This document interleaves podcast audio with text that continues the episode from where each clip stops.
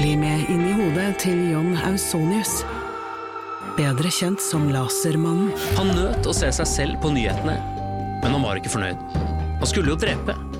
Det samme året skulle han skyte to mennesker til, før han omsider oppnådde målet om å drepe. Hør på innsiden av Psykohoder med Jonas Alf Oftebro og rettspsykolog Susanne Nordby Johansen. Gratis der du hører podkast. Og velkommen til Femihelse, en podkast om kvinnehelse fra A til Å. Og jeg heter Helene, Og jeg heter Sigrun. og vi har startet denne podkasten fordi vi mener at det bør snakkes mye mer om kvinnehelse. Så la oss snakke. Hei, alle sammen, og velkommen til en ny episode av Femihelse. Um, dette er en episode uh, faktisk helt uten helsepersonell, bare så vi har uh, satt det på, uh, på kartet. Uh, og en episode vi lager fordi vi fikk en oppfordring på Instagram. Og det ber vi jo dere alle om å sende inn, Instagram eller Facebook eller hvor dere vil kontakte oss med tips uh, til hva vi burde snakke mer om. Uh, og med oss i dag så har vi Anniken fra Ung Kreft. Hallo. Du er kommunikasjonsrådgiver der. Stemmer. Ja. Og så har vi også med oss eh, Linn, som er ja, hvordan skal man eh, Tjukkeste slekta mi, fordi eh, hennes kjæreste er da firmenning med min kjæreste. Så vi er så å si Vi er, vi er virkelig nærmest søstre. Velkommen, Linn. Hei. Hei. Første gang vi har familie i studio. dette her. Ja, det er kanskje det? Ja, ja som det. vi vet om, i hvert fall. Som vi vet om. Ja. Så vi eh, har jo hengt litt på eh, hytter på sommeren, fordi de har en familiehytte hvor alle i, i slekta henger på tur og orden i løpet av sommeren. Ja. Så sist gang vi møttes var i eh, sommeren 2018, da, for et år siden. Og da var du ganske så gravid og veldig tett i nesa, husker jeg. Ja. var du en av de som var tett i nesen hele svangerskapet? Ja, Oi, så utrolig slitsomt. totalt. liksom. Tette Jeg syns det er så rart. Ja. Kjemperart. Måtte sitte og sove i fem måneder. Uff a meg. Men så eh, Du tok kontakt med oss på Instagram Mm. fordi eh, du fikk lille Louise i ok oktober. Mm. Og så rett etterpå så fant du ut at du hadde kreft. Ja. Ja. Hvordan fant du ut av det? Jeg begynner bare på førsten. og, Eh, Louise ble født eh, i oktober, da. Eh, og da begynte jo dette lille marerittet med amming. Eh, jeg ga det tre-fire uker, fant ut at jeg gidder ikke mer, dette tar all energien fra meg, stoppet. Og da var jeg ganske drittlei puppene mine. Eh, så da kasta jeg brystpumpa inn i skapet, og liksom hadde ikke så veldig stort forhold til de på noen uker. Eh, hadde en mild brystbetennelse og klumper som de fleste får. Eh, tenkte ikke mer over det. Eh, det gikk kanskje ut i november. Fikk en klump eh, til. Tenkte ikke så mye over det da heller, men denne klumpen begynte å vokse. Um, og så kom desember. Den var fortsatt der. Uh, og det gikk veldig fort mot jul. Og så tenkte jeg at er den ikke borte eller blitt mm, mindre innen julen er over, så må jeg gå til legen. Det gjorde jeg. Dro til legen. Den var ikke borte. Den hadde heller blitt større. Eh, hun kjente på den og tok det liksom ikke veldig seriøst og tenkte, sa det er nok tette melkekjertler eller et eller annet sånt, men vi henviser deg til Unilabs. Og så ringer jeg til Unilabs, for jeg ville jo bli sjekket dagen etterpå. Uh, helst. Um, men da ringte jeg, og da hadde jeg blitt uh, henvist dit med typ fire ukers ventetid. Det skjer ikke. Nei, det skjer ikke. Um, så da ringte jeg til Aleris og til Volvat og bare tok den første beste timen de hadde da. Det var bare noen dager etterpå. Tok eh, mammografi, ultralyd og biopsi. Da tok jeg biopsi av kulen og noen lymfeknuter eh, rundt da. Mm. Uh, så gikk det en uke, og så kom telefonen. Eh, Men dessverre, vi har en dårlig nyhet. Det er funn av kreftceller i eh, den kulen. Og da begynner eh, da, Eller da begynner det på en måte Da skjer ting veldig, veldig fort, da. Uh, ja. Hva var altså, hva spør, Ja. liksom, Nei, ja. Historien, hva som, som skjedde med deg da, og hva du opplevde da. ja. Mm. Og så fikk du da For da fikk du beskjed om at det var kreft. Eller at, i hvert fall at det var kreftceller. Ble du da henvist videre til et sykehus? ja. Det var en veldig fin oppfølging fra Volda sin side. De sendte meg over dit jeg skulle, og det gikk ikke lang tid før jeg liksom Ja, dette var på en torsdag, og så på tirsdag var jeg og snakket med brystkirurg, da. Mm. For da må man ta valget om man vil ha operasjon først eller cellegift først. Mm. Og da ble jeg med en studie som går på Ullevål, så man får en tilleggscellegift. Uh, som de mener har effekt da, på den type uh, brystkreft jeg har. Mm. Hva slags type brystkreft er det du har? Jeg har noe som heter trippel negativ. Mm. Og det er en veldig aggressiv type. Ja. Ja. Det er liksom den Det er ikke noe Hvis man har um, HER2-sensitiv, eller um, da en sånn hormonsensitiv um, type, så kan man få en Jeg kan ikke så mye om dette her, men da kan man jo få etterbehandling, da. Det kan ikke jeg. Okay. Fordi det er bare en hissig jævel som lever sitt eget liv. Mm. Kort Men ble du operert? Nei. Nei. Fordi den studien krever at man opererer etterpå pga. at de har tatt biopsier underveis for å måle effekten av cellegiften. Mm. Så bare nå, Vi spiller inn dette er vi i slutten av juni. Og, så du har da gått på cellegift siden januar? Et halvt år, da. Eh, ja. Ja, januar-februar. Ja. Og hvordan går det nå? Nei, det går fint. Jeg har respondert veldig bra på cellegiften, og kulen er borte. Åh, Det er så fint å høre. det er vi veldig glad for. Ja. Og, men du tok kontakt med oss fordi noe som er veldig viktig, fordi eh, du har Har du akkurat fylt 30? Nei. Eh, nei, eller jo, jeg er 32, da. 32, ja. Mm. Så, og, og du hadde jo da akkurat fått ditt første barn da du Mm. fant ut av dette. Ja. Men kjenner jeg det, det familien til kjæresten din rett, så gir man seg jo ikke ofte med ett barn. Man tenker at man skal ha en hel, en, en hel flokk. En skokk. Og, eh, så du tok kontakt med oss for at vi skulle snakke litt om dette med eh, fertilitet og kreft når man er ung. Ja. Ja. Fordi du fikk litt sjokk da. Ja, fordi når, når man får denne beskjeden, så settes det i gang et veldig stort apparat og et system som du skal ta 100 000 undersøkelser. Og eh, de går, det gikk veldig bra for meg. Jeg ble henvist hit og dit, og liksom alt gikk ganske sånn etter eh, som smurt, da. Eh, men så også, ja, sånn du kjenner min familie, vi drar ikke alene på sykehus. Så jeg hadde jo med meg svigermor, kjæreste og svigersøster inn på alle konsultasjonene med legene. Fordi jeg fikk helt blackout. Husket ingenting. eh, spurte ikke noen riktige spørsmål. Det greiene der. Um, så da eh, Når vi snakket da på det første møtet, så var jo da svigersøsteren min veldig på dette med eh, hva gjør vi i forhold til fertilitet. Og da ble vi henvist til eh, fertilitetsklinikken på Ullevål først. Der snakket jeg med en, en lege um, som undersøkte meg og, først. Og så sa han at uh, det er tre måter uh, man kan gjøre dette på. Og det er da å ta ut en bit av eggstokken og fryse den ned og sette den inn igjen. Anbefales ikke for meg, da. Eh, eller så kan Og så får, får man et implantat som heter Soladex. eh, som på en måte setter deg i en kunstig overgangsalder, da. Sånn at som også skal liksom bevare eggstokkene litt. Eh, og så er det da eh, ta ut egg. Men det jeg fikk, det jeg nevnte liksom i en sånn kort liten bisetning, da, som gjorde meg sykt forbanna, var at dette koster 17 000 kroner, og du må nok ut med det om én time på apoteket, fordi man har dårlig tid når man skal begynne på cellegift. For dette må gjøres før da, uttaket. Og så har vi jo snakket litt om liksom IVF, eller altså kunstig befruktning, IVF, som jeg har begynt å kalle det nå. Kunstig befruktning her i, her i Femihelse. Og da vet vi jo at eh, for å kunne ta ut egg, så må man jo gjennom en hormonbehandling i forkant. Mm. Og Det er disse sprøytene som er så dyre, da. Det er akkurat det. Og, men tiden er vel ofte veien også, som var hvorfor du måtte begynne så fort, sånn at du kunne begynne på cellegift etter at du hadde tatt ut eggene. Ja, du får bare lov, eller jeg fikk lov bare lov til å ha en uke, da. Ja. Mm. En uke med hormonbehandling, og så ta ut egg. Ja. Men så heldigvis, oppi alt dette, så har det jo også blitt en endring i lovverket. Ja. Så nå slipper man den egenandelen på ca. 17 000 kroner hvis du får, finner ut at du har kreft og skal begynne på den behandlingen. Ja, det er jo noen superflinke og standhaftige mennesker da, som har stått på for dette. Ja.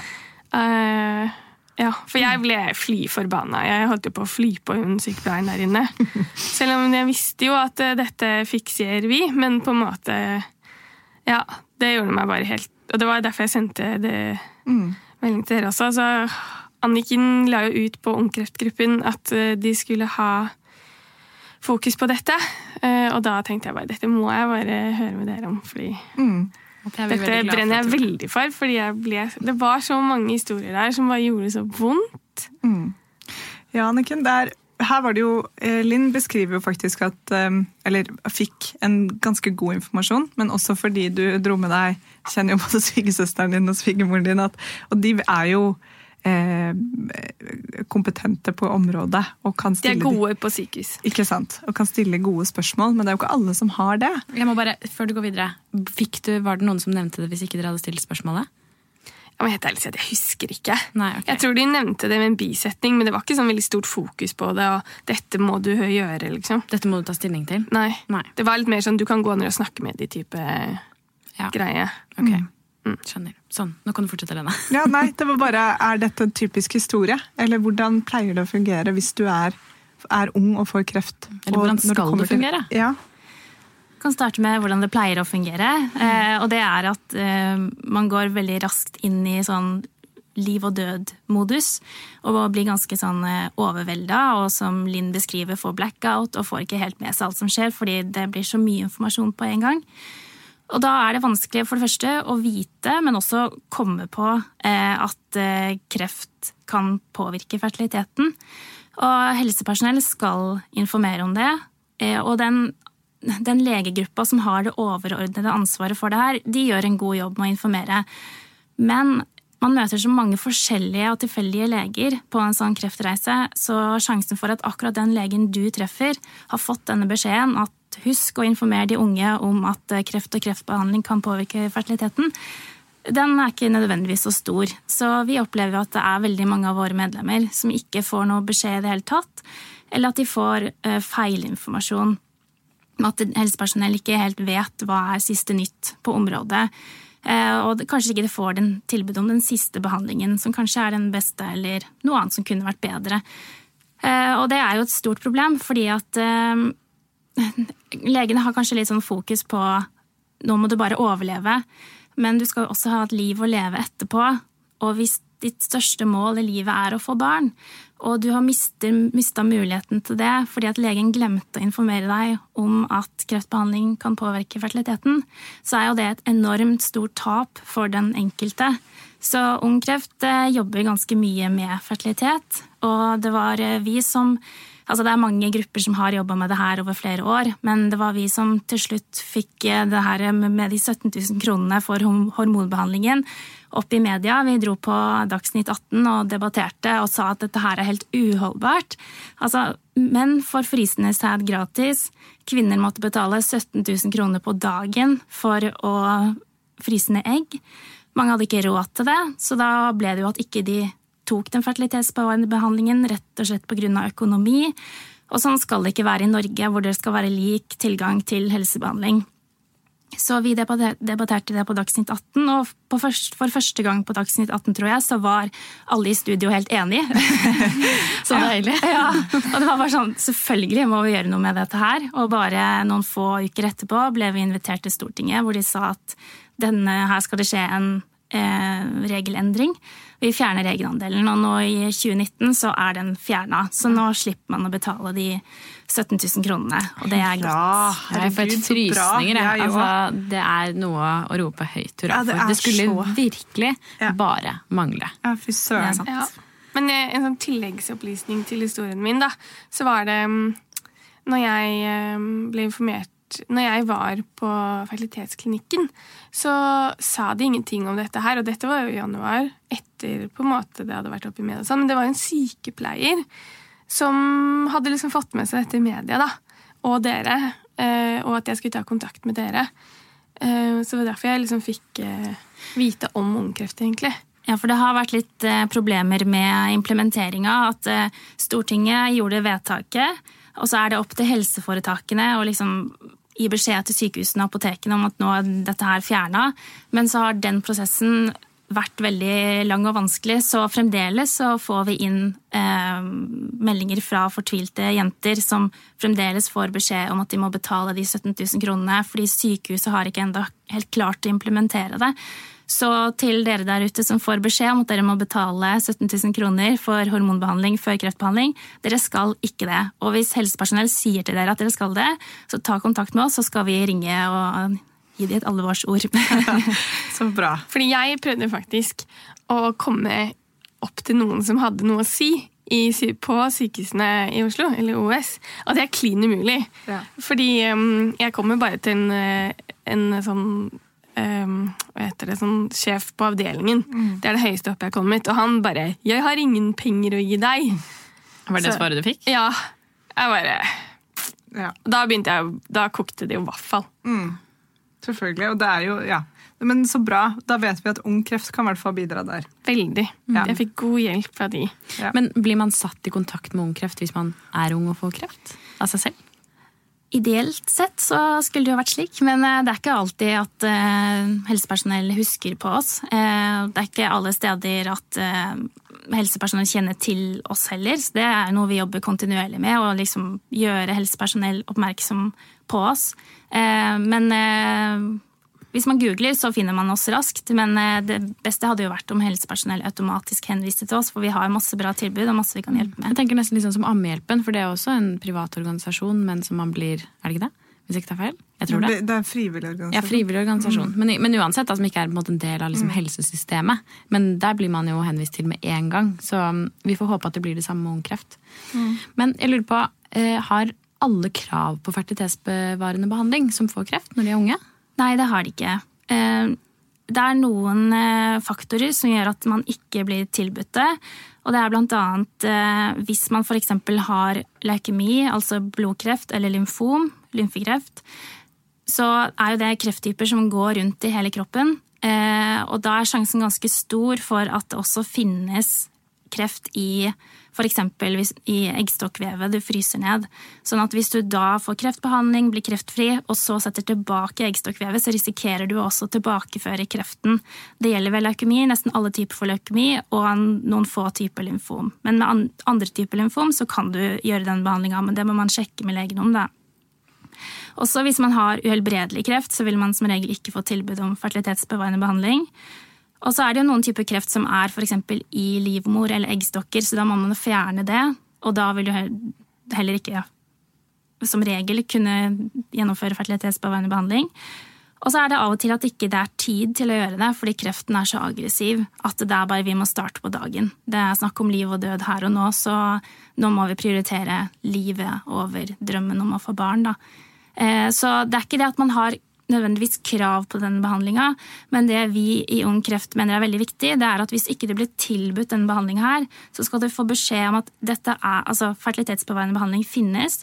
Du vil ikke bli tilbudt det fordi sånn og sånn. Sånn at ikke man etterpå kanskje kommer inn i Ung Kreft, begynner å snakke med folk, og så hører man å, andre har fått fertilitetsbevarende behandling, hvorfor har ikke jeg fått det? Og så klarer man kanskje ikke å nøste opp i hvorfor, og så går man rundt og tror at det er gjort en feil, eller eh, at det kan bli sånn at man har mista muligheten til å få barn fordi noe ikke blir gjort riktig. Men så ble ting gjort riktig, du fikk bare ikke beskjed hvorfor. Så jeg tenker alle må få informasjon om eh, fertilitetsbevarende behandling, men også informasjon om hvorfor man eventuelt ikke kan få det. Og jeg håper liksom også at de aller fleste også får informasjon om at eh, det er stor sjanse for at du ikke kan få barn når du går gjennom denne behandlingen. Altså sånn helt overordnet. Ja. At ikke det må komme som et sjokk i etterkant. Nei, for det skjer jo også. At eh, folk som skulle hatt den informasjonen, og som også egentlig kvalifiserte til behandlinga, ikke fikk den behandlinga fordi legen eller helsesøster eller venn, eh, sykesøster eller hvem det var, eh, glemte og sykepleier, mener jeg. Jeg glemte å si ifra om det.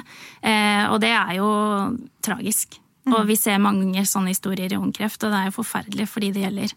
Så vi skal snart lansere en fertilitetskampanje og håper at eh, flest mulig helsepersonell får med seg den. Så fint. For det er så viktig. Det er så viktig å bare ta som du sier, i hvert fall ta den praten. At liksom nå, bare at, at fertilitet er et sånt punkt, sånt punkt man skal gå igjennom. Sånn, ok, Du kan få fertilitetsbevarende, eller du kan ikke. Og dette er grunnene. Og hvis du skal få det, sånn gjør du det. Som man bare vet. For det, hvordan, det er jo umulig å vite når du står midt oppi det, som du sier, og liksom den blackouten treffer deg, og du har alt annet å tenke på. Ja. Jeg følte liksom eh, Med meg da, så var det litt sånn at kreften var veldig i fokus, og det med liksom prevensjon og fertilitet det kom liksom litt sånn på siden. Og de glemte liksom å informere meg om prevensjon, f.eks. Inntil jeg bare spurte hva slags prevensjon man skulle gå på. De bare 'Har du ikke fått beskjed om det?' Så bare Nei, ingen har snakket med meg om det. Nei, ikke sant? Hva, hva kan man gå på? Um, kobberspiral. Kobberspiral, ja. Mm, så noe som ikke er hormonelt. Mm. Ja. Men jeg er litt sånn Jeg håper jo ikke at det er sånn at helsepersonell syns at det er At det er fordi det er ubehagelig å snakke om ting som har med altså sånn underliv og seksuell helse og altså sånne type ting. At man vegrer seg for å ta ansvaret. For jeg har en venninne som skrev en oppgave på dette med oppfølging på seksualliv etter kreftsykdom. Eh, og at det er veldig mange som opplever å få dårlig oppfølging etter at de har vært gjennom dette. vet du sikkert du også mye om, eller mer enn meg. Um, vært gjennom en alvorlig kreftbehandling, og at det er store hull da, når det kommer til informasjon eh, på hvordan du skal ta vare på liksom, Eller bygge opp igjen, egentlig bare. da, liksom Et seksualliv etter det. Det er det absolutt. Og i den forbindelse så kan jeg jo nevne det at eh, hvis man faktisk mister fertiliteten og blir steril etter kreftbehandlinga, det mange ikke tenker på da, det er at da havner man eh, i eh, overgangsalderen. Altså hvis egglagrene er ødelagte av cellegiften, da havner man i overgangsalderen. Så vi har jo mange medlemmer som er ja, 20 år og i overgangsalderen. Og de skjønner ikke hvorfor får jeg hetetokter, hvorfor svinger humøret mitt sånn, hva er det som skjer med meg? Og så går de til legen, eh, og har de en god lege, så kobler da den at ok, her kan det være snakk om tidlig overgangsalder fordi at du har mista fertiliteten din. Og da Det kommer an på hvilken krefttype man har, men eh, hvis man eh, ikke har en hormonsensitiv krefttype, så anbefaler man da ofte at man skal gå på østrogener og prog progesteron for å ikke bli benskjør. For det er ofte det som skjer når man eh, kommer i overgangsalderen, at eh, skjelettet begynner å brytes ned. Og det er jo ganske alvorlig hvis den prosessen starter allerede som 20-åring. Men eh, en annen ting som skjer òg, er jo at eh, kroppen forandrer seg ved at man får f.eks. tørre slimhinner og andre problemer som påvirker seksualiteten. Og det er helsepersonell veldig dårlig til å følge opp. Jeg er jo der nå. Ja, Fordi jeg har et sånt implantat som jeg setter inn hver fjerde uke. Som setter meg i kunstig overgangsalder. Og det er helt forferdelig. Med hetetokter og tørre slimhinner og alt det der. Så Men Fikk du da informasjon om hvordan det ville påvirke deg? Nei, de sa liksom ikke noe om bivirkningene før man begynte å eh, ta de opp, da. Og jeg har jo, etter liksom langt over halvveis, så fikk jeg noen tabletter mot hetetoktene. Og jeg hadde jo nevnt for sykepleieren jeg snakket med, og legen, at jeg hadde veldig store plager med det, og at jeg sov sånn to timer bare i strekk og sånn. Um, og det var ingen av de som bare kom på det. Det var tilfeldigvis bare en sykepleier jeg ikke hadde hatt før, som bare ja, men du må jo prøve disse pillene her, de kan funke. Og så, ja. Og det kommer veldig an på hvem man møter, da, tydeligvis. Det var jo et vilkårlig at jeg møtte henne, bare. Men fikk du da både implantater og du gjorde et egguttak? Ja. Jeg, ja. Og for, ja, fordi ja, er så, jeg, blir, jeg, jeg blir helt sjokkert. Å få sette noen i overgangsalderen, det er jo virkelig ingen spøk. Altså, vi har jo snakket med gynekologer før hvor jeg har liksom nærmest litt sånn sagt sånn okay, Hvis man har veldig kraftig endometriose, eller sånne ting, hvorfor kan man ikke bare på en måte fjerne livmoren og eggstokken og bare bli kvitt det, liksom? Og bare bli kvitt mensen? Da svarer jo de du vil ikke komme i tidlig overgangsalder. Det er ikke ikke noe du er keen på, selv om du da slipper skikkelig vonde mensensmerter. Så det er jo eh, noen gynekologer og folk som jobber mye med kvinnehelse, vet at det er ikke noe spøk. Og i hvert fall ikke i ung alder. Men det er helt utrolig at ikke de sier det til deg, Linn, når det er akkurat det det implementatet, implementatet gjør. Ja, altså Som et litt sånn organ, organisert menneske så føler jeg at jeg har fått litt lyst til å lage en webbasert liste som må være en del av journalen din. Som alle leger som skal eh, jobbe med deg på en eller annen måte, må se på. Og hvis det ikke er krysset av på noe, da må man huske å gå gjennom det punktet. Fordi jeg skjønner ikke hvordan dette er mulig. Altså sånn, vet du hva, Jeg kan anbefale Wunderlist, eksempel. Strålende listeløsning som kan deles. Men det er bare sånn, noen må da ta ansvar, og vi må ha en oversikt over eh, ja, Men det er litt sånn at eh, i hvert fall sånn jeg opplevde, så er det liksom sånn at kreft det, da, det er de veldig gode på med pakkeforløp og sånn. Og alt går som smurt, da. Eh, men når du skal over på en annen avdeling, da er det ikke noe kommunikasjon. Eh, sånn at når vi skulle over på fertilitetsklinikken, da, så har ikke de noe sånn godt samarbeid, opplevde jeg. da, så det var litt sånn, De, bare, de ringte jo, de fikk jo ordnet med dette at jeg kunne starte på det, og det greiene der. Men det er ikke noe sånn Nei. det, er- det, er- det er ikke noe det er ikke noen på kreftsenteret som har veldig god peiling på kvinnehelse. Som med alt som skjer med implantater og Nei. Da er vi tilbake igjen til denne sjekklisten. Mm. Ikke sant? Har du spurt om fertilitet? Har vi snakket om fertilitet? Har vi snakket om seksualitet? Hva skjer med det? Og en generell kompetanseheving når det kommer til kvinnehelse innenfor alle deler av helsesektoren. Altså sånn, både når det kommer til kreft, kreftbehandling og fertilitetsbevarende behandling, men også bare sånn eh, hjerteinfarkt. Altså, dette mm. går jo på alle deler. Det er jo helt sinnssykt provoserende. Mm. Skikkelig. Ja. Ja. Blir det bedre, Anniken? Er det noe bedring i systemene? Det, snakker, altså, ser du noe håp i Er det noe lys i enden av tunnelen her, eller er det, henger vi fortsatt veldig etter? Ja, hva skal man si? Eh, jeg vet at den, eh, de overlegene som har eh, dette som eh, ansvarsområde, de står veldig på og jobber hardt for å nå ut med informasjonen. Problemet er kanskje at de kjører et veldig sånn tungt faglig språk. De har lagt ut informasjon om det her på nett og sånn, men når man leser det, så er ikke det spesielt pasientvennlig. Så det er derfor vi nå kommer inn og lager en kampanje som er liksom retta mot eh, folk generelt. eh, Ikke har noen vanskelige termer eh, og er forståelig. Så det går jo noen skritt framover, men jeg tror at det, må samarbeid til her. Både på tvers av liksom, organisasjoner, helsepersonell, men også innad på sykehuset. Altså avdelinger snakker sammen. For det er som Linn sier, det er veldig spesialisert. Kreftlegene de er rå på kreft, men de, de har liksom bare ikke hodet eller tankene på dette her med fertilitet og seksualitet og, og det- som følger den biten, da. Eh, Så det er eh, veldig synd, eh, men det må noe sånn et eller annet strukturelt til for å, å få det bedre, og det tenker jeg er eh, sykehuset, helseforetakene først og fremst, som burde ta tak i, og så får vi organisasjoner bistå og stå på så godt vi kan. Altså, dette, vi snakker jo mye om dette her på jobb når vi jobber i kommunikasjonsbyrå. Eh, nettopp dette med silobasert kommunikasjon. Og det er jo akkurat det dette her handler om. Og ja, at det kan være så vanskelig, på en måte. Vet jeg, jeg skjønner det jo på, på mange måter samtidig, nettopp fordi man er i veldig sånn ja, spesialisert, rett og slett. Men det er veldig provoserende. Du får si Ja, fra. Ringe til oss hvis dere har litt kommunikasjonsbistand. Men altså er det jo, jeg skjønner jo det at, eh, at det er kjempeviktig at man har folk som er ekstremt spesialisert på kreft. Altså Du vil jo ha en lege som kan din krefttype 100% men det du også vil ha, er jo et organ rundt der som stiller de riktige spørsmålene og gir deg den informasjonen du trenger. Og når jeg hører liksom det du sier om at hetetoktene gjorde at i tillegg til å være mamma til liksom en, en baby på rundt et halvt år, eller åtte måneder nå, bare sov to timer om natten i strekk. Det sier jo masse på hvordan det påvirker allmenntilstanden din. Så jeg tenker jo at det bare den informasjonen at ja, ok, denne hete, liksom den overgangsalderen vi setter deg i nå, den påvirker jo faktisk også behandlingen din. På hvor liksom raskt du kommer deg. Dette er bare noe jeg gjetter, da. Jeg vil jo understreke at jeg ikke er helsepersonell, men det å sove skikkelig dårlig i tillegg til en Jeg er jo sånn helt avhengig av innsovningsmedisiner i perioder. Ikke sant? Og jeg må jo gå av det igjen. Når jeg, det skal ikke så mange dagene til før man er avhengig. Mm. Så da må man ta den biten òg, da. I tillegg til alt mulig annet. Kanskje man burde hatt en liksom, eh, kvinnekreftspesialist? Ja. At man, jo, men at man ikke hadde liksom kreftspesialister, men at vi hadde kvinne, kvinnekreftspesialister. Ja, jeg kunne ønske at det liksom på en måte kanskje var en koordinator av noe slag, da. Som, når man får, som tar den biten. Ja, eller at man rett og slett delte det inn i kjønn. Ja. Ja, men jeg tuller ikke. Altså, sånn, det er jo ganske mye forskjellige ting som foregår i mannekvinn, manne, mannekvinnekroppen. I ditt- Ja. Absolutt.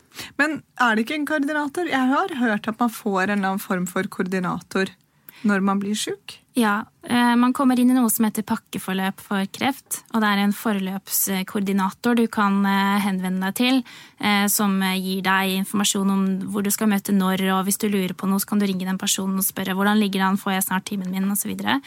Eh, men den personen, sånn som jeg har forstått det, hvert så er den ganske sånn orientert på å få deg gjennom avtalene. Og det handler mye om tidsfrister og husk å møte opp der til den tiden. Eh, de er ikke så veldig koordinert når det gjelder liksom det psykososiale eller det mer sånn de tingene rundt kreften, da. Eh, så det er jo noe man kunne ønske seg. Det finnes kreftkoordinator i kommunen som ofte tar seg av mer det liksom livet rundt kreften. Eh, og det er veldig bra, men det er ikke alle kommuner som har det. Og jeg er også usikker på hvor orientert de er eh, mot eh, liksom, fertilitet og seksualitet. Seksualitet kanskje, jeg er usikker på hvor mye de vet om fertilitet, for det er jo mer sånn medisinsk-teknisk greie. Jeg merker på sykehuset så er legene veldig sånn fertilitet er mye greiere for de å snakke om fordi at det handler om operasjoner og tester og veldig sånn teknisk. Men seksualitet det er jo mer sånn person og følelser, og da blir det litt sånn nei, vi snakker om noe annet. Mm. Eh, men jeg vil også slå et slag for eh, sykepleierne. Det er jo ofte de som eh, har mulighet og tid da, til å supplere når legen har kanskje rusha gjennom en time fordi han eller hun er veldig travel så, liksom oppleve, så, er det mange som opplever at sykepleierne etterpå kommer og sier liksom, 'Skjønte du hva du fikk beskjed om nå, og er det noe du lurer på, er det noe jeg kan hjelpe deg med?' Så jeg tror kanskje det å gi sykepleierne god og oppdatert informasjon kan være en nøkkel til å nå ut til enda flere, da. Mm. Det er veldig fint. Og vi snakker jo mye om det at uh, det ligger veldig mye ansvar på oss som pasienter. Altså sånn, da snakker jeg generelt sett, Uansett hva man går igjennom, så ligger det mye ansvar på å stille de gode spørsmålene. Men da kan jo også dette kanskje være en oppfordring at uh, denne episoden ikke bare skal deles med de du kjenner som er unge og får kreft, men send det gjerne til en venninne som er, eller kompis som er sykepleier. Og selvfølgelig hvis du kjenner en kreftlege skip den over. Så man kan i hvert fall begynne diskusjonen. Da. Eh, og så kan de igjen videre ta kontakt med Ung Kreft hvis de vil ha mer informasjon rundt mm. dette.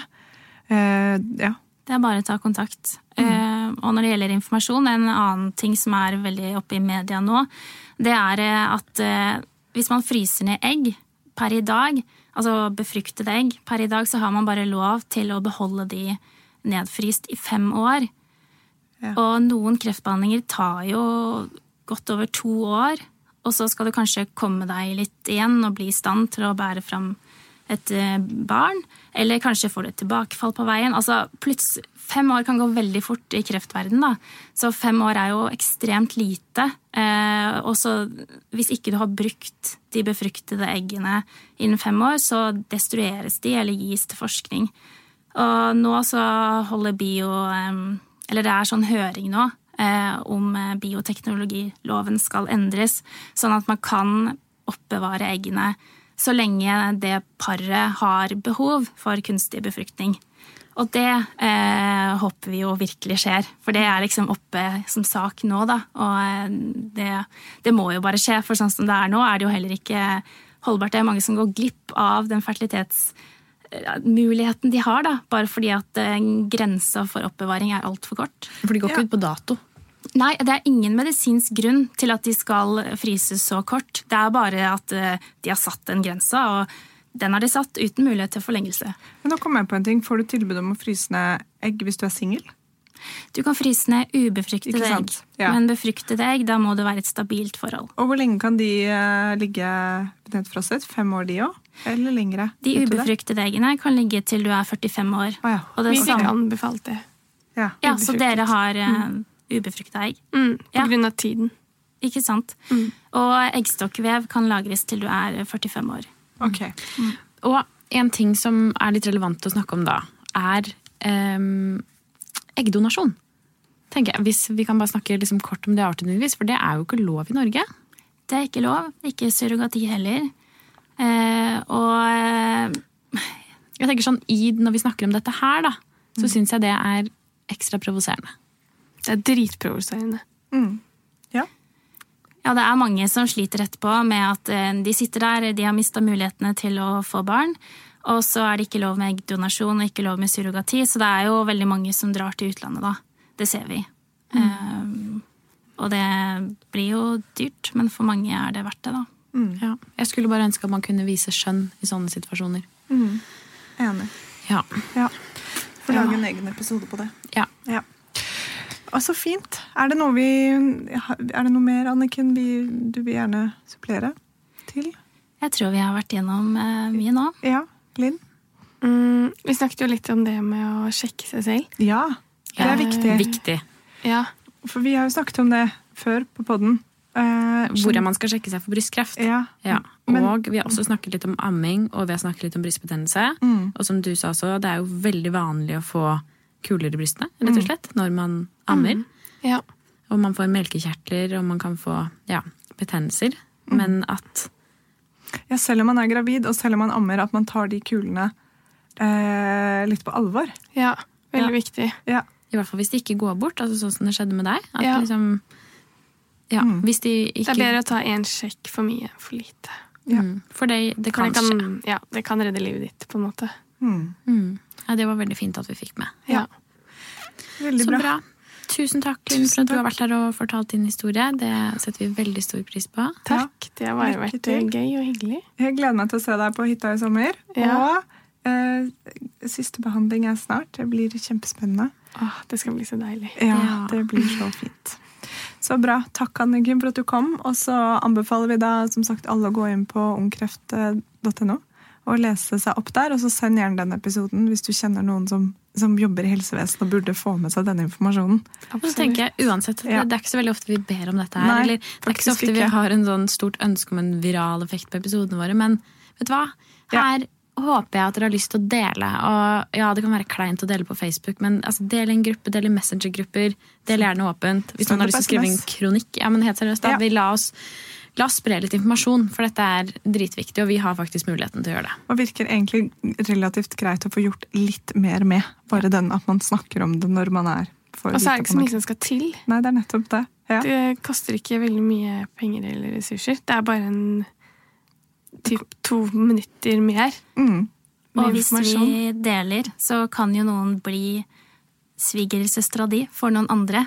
Som da sitter der og eh, sier til legen Men du, skal vi ikke snakke om fertilitet? Er ikke det viktig å tenke på nå? Som Ja. min venninne eller søster eller svigersøster har fått kreft. Ja, for man vet ikke på forhånd hvor mm, mye man bare mister hjernen når man får en sånn her beskjed i fanget. Nei.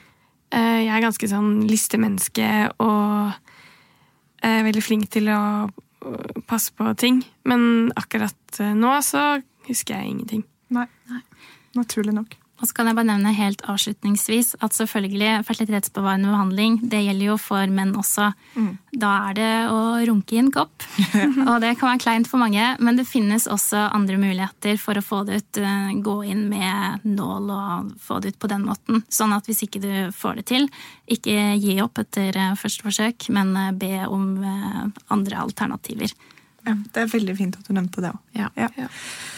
Så, Så bra. bra. Mm. Tusen takk. Tusen takk. Takk for at dere kom på besøk. Takk for at dere hørte på. Ja. Takk for deg, Lene. Takk for deg, Sigrun. Takk Vi- for dere. Dere lager eh, en podkast om det her. Å, det er veldig hyggelig. Og så håper vi alle får en god sommer, for denne Ja. slipper vi jo midt i sommerferien. Ja. Så um, ja, uansett hvor du er og hører på denne her, så ja. Mm. Takk. Håper du har det bra. Ha det. Ha det! Tusen takk for at du hørte på podkasten vår. Selv om det forhåpentligvis kommer tydelig frem, så vil vi understreke at vi ikke er helsepersonell. Ja, så som vanlig, kontakt legen din om du har noen spørsmål, eller om du skal begynne på noen form for behandling. Og har du et tema som du har lyst til at vi skal snakke om, eller noe ris eller ros, så send oss gjerne en melding på Facebook eller på Instagram. Der finner du oss under Femihelse. Og du kan gjerne rate oss på iTunes, det er skikkelig hyggelig for oss.